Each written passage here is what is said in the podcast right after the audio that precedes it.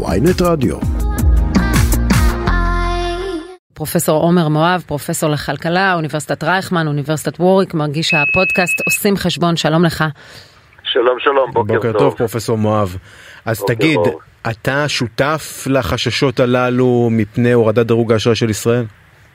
תראה, זה החששות הם הרבה יותר, א' כן, אבל החששות הם הרבה יותר עמוקים מאשר רק דירוג האשראי. אה, זה קונסנזוס, הייתי אומר, כמעט מוחלט בין כל הכלכלנים. יש על זה הרבה מאוד מחקר כלכלי, על אה, מה שנקרא איכות מוסדות המדינה, על המערכת של האיזונים והבלמים מול כוחו של השלטון. ואין בכלל ויכוח שברגע ש... שוב, אני לא רוצה להיכנס לצד המשפטי, אבל הכיוון שמסתמן הוא מתן הרבה הרבה יותר כוח לקבוצת השלטון בלי הבלמים, אה, וזה אנחנו רואים במדינות כמו בטורקיה, בהונגריה ועוד דוגמאות רבות בעולם, בהווה ובהיסטוריה. ש- שמעתי את אה, ניר ברקת מדבר ואומר הנה תראו את האמירויות אף אחד לא מתערב ואיך הם אה, ממנים את האנשים שלהם ויש השקעות ויש שיתופי פעולה אה, חוצים אה, מדינות עם, ה- עם האמירויות עם אה, קטר עם וכולי. אנקדוטה היא לא תחליף לבסיס נתונים ולמחקר רציני. אני יכול לתת עוד דוגמאות, גם סינגפור היא לא מופת של דמוקרטיה. אה, וגם בסין אין אה, דמוקרטיה ואיזונים ויש אה, צמיחה כלכלית מרשימה. אבל כשאנחנו מסתכלים על הממוצע ולאורך הרבה שנים, אז אנחנו יכולים בהחלט להגיע למסקנות, והמסקנות הן די חד משמעיות. יותר מזה, יש, צריך אולי להגיד את ההבדל בין מוסדות כלכליים מכילים לבין מוסדות כלכליים נצלנים. פה אנחנו רואים אה, שבעצם יש לנו רצון של הממשלה הנוכחית להעביר משאבים מכלל הציבור לטובת הקבוצה הזאת. זאת אומרת, זה לא ניסיון לרסן את המערכת המשפטית כדי לפעול למען כלל הציבור, אלא זה ניסיון לרסן את המערכת, את הבלמים, את היועצים המשפטיים, כדי להעביר יותר כוח ומשאבים לקבוצה אתה... שהשלטון הנוכחי תלוי בה או חפץ בעיקרה. פרופסור מואב, אתה אומר משהו מאוד מעניין אבל, שבניגוד לאיחוד האמירויות ומדינות אחרות, אנחנו כן צריכים דירוג אשראי גבוה, אבל נכון? לא, בוודאי, הדירוג האשראי, ברגע שדירוג האשראי יורד, המשמעות היא שוב, זה פגיעה בכיס של כל הצרכנים. תראו, חשוב נורא להבין אמת uh, כלכלית פשוטה. כל שקל שהממשלה מוציאה, בין אם זה כרגע להעביר עוד כסף לחרדים, ובין אם זה תשלומי ריבית על החוב המאוד גדול שיש לנו, uh, כל זה מגיע בסופו של דבר מכיסו של הציבור, כן? אין לממשלה איזשהו uh, עץ עם כסף או מקור כספי בלתי נדלה. תגיד, מה אתה חושב על הרעיון הזה של חבר הכנסת גפני, יושב ראש ועדת הכספים, על uh, בעצם uh, ביטול הפיקוח על התקציב ההמשכי במידה ואולי התקציב uh, לא יעבור בזמן? זה, זה כמובן רעיון הזוי, זה, אם אנחנו באמת רוצים להידמות למדינות ממש גרועות וחסרות אחריות, שנכנסות מהר מאוד למשבר כלכלי, אז אפשר לאמץ את הרעיון הזה.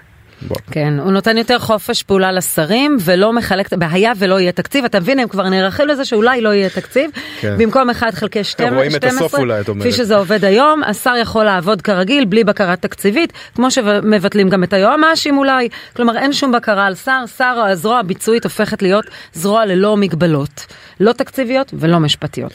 אני, אני רוצה לשאול אותך כן על ההיבט הזה, שמעתי בדבריך ביקורת על זה שהרצון להיטיב נניח עם מגזר כמו החרדים.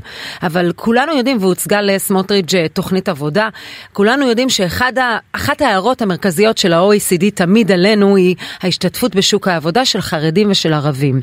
ודווקא כאן יש מטרה ויש אינטרס לכלכלה הישראלית לעודד אה, לימודים, לעודד העברת כספים, לעידוד אה, מקומות עבודה. אה, כל הנושא הזה של אה, תמריץ למגזר החרדי הוא כן חשוב. תלוי אבל מה עושים עם הכסף, כרגע זה נראה בדיוק לכיוון ההפוך. אדרבה, הרי הייתה התוכנית להגדיל תקציבים למי שילמד ליבה. נתניהו ביטל את זה, הוא נותן להם כסף בלי להתנות את זה בליבה. הליבה זה קריטי, בלי ליבה קשה מאוד להשתלב בשוק העבודה בהכנסה אה, בינונית וגבוהה. אה, ברגע שמעבירים כסף שלא מותנה בעבודה, אז בוודאי שזה לא מעודד השתתפות בשוק העבודה. לכן אם היו אומרים, תשמעו, אנחנו נותנים פה כסף להכשרות מקצועיות, זה דבר אחד, מה שעושים זה דבר הפוך לחלוטין. כן, אז אתה מאמין בסופו של דבר אבל שבמידה ויריב לוין מצליח להעביר את הרפורמה, אה, מה שנקרא לייצר פה את המהפכה המשפטית הזאת שהאופוזיציה מכנה, באמת חברות דירוג האשראי העולמיות יורידו את דירוג האשראי של ישראל? זאת אומרת, מה התחזית שלך בתור uh, כלכלן? אני לא רוצה להיכנס לתחזיות מדויקות, כי הדירוג האשראי מושפע מהמון דברים. זה בוודאי כוח שיפעל לכיוון... שמענו, שמענו אבל את הבכיר ב-SNP, הבכיר ב-SNP כבר, כבר, כבר דיבר על זה. כן, כן, וכמובן הרחקת השקעות, זה שני דברים נפרדים. אבל זה, זה אולי עוד יותר בעייתי, זה לא רק שזרים ירצו להשקיע פחות בישראל, אלא גם ישראלים יזרימו את הכסף שלהם זאת אומרת, זאת אומרת, האזהרה הזאת של ההייטקיסטים, אתה אומר, זה לא בעלמא. בוודאי שלא, בוודאי שלא. תראו, אה, שוב, נחזור למחקר הבסיסי בכלכלה, למוסדות כלכליים, להגנה על זכויות קניין. אנחנו רואים דוגמאות כל הזמן. הנה עכשיו בהונגריה, שפתאום רוצים לגבות עוד מיסים אה, במין אה, בדיעבד כזה מחברות. ברגע שיש לנו שיטת שלטון שהאדם לא יודע, החברה לא יודעת מה באמת צפוי, ושהשלטון יכול בשרירות פתאום להחרים נכסים, לקחת יותר מיסים. אה, כל זה מרחיק כמובן משקיעים, איזו שאלה בכלל. כן, למרות שלכאורה, כן, תומכי הרפורמה מצביעים על כך שהתל"ג בהונגריה בשנים האחרונות עלה מאז הרפורמות של, אה, של אורבן. אני מניח שהזווית שלך היא קצת שונה. תסתכל על, ה, על המצב הקשה שהם נמצאים בו עכשיו, ושוב, כפי שאמרתי קודם, אנקדוטה זה לא תחליף. כן, גם המצב שלנו שונה, אנחנו לא היינו במצב שלהם, ולכן אנחנו יכולים רק להפסיד.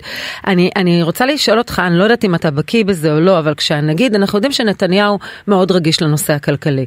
כשדיברו איתו באספקטים המשפטיים, כשמדברים איתו באספקטים הפוליטיים, הוא פחות קשוב, לנושא הכלכלי הוא מאוד קשוב. אזהרה כזו, גם מפי אנשי, נציגי המגזר ההייטק שבאמת סוחב כאן את אה, מטבע החוץ, הכנסת מטבע החוץ לישראל 65 אחוזים, אה, שאחראי על ההכנסות ממיסים, אה, משמעותית רבע מההכנסות ממיסים, והנגיד עצמו, שהוא, אנחנו יודעים מה הרקע שלו והוא לא, לא מעורבב פוליטית.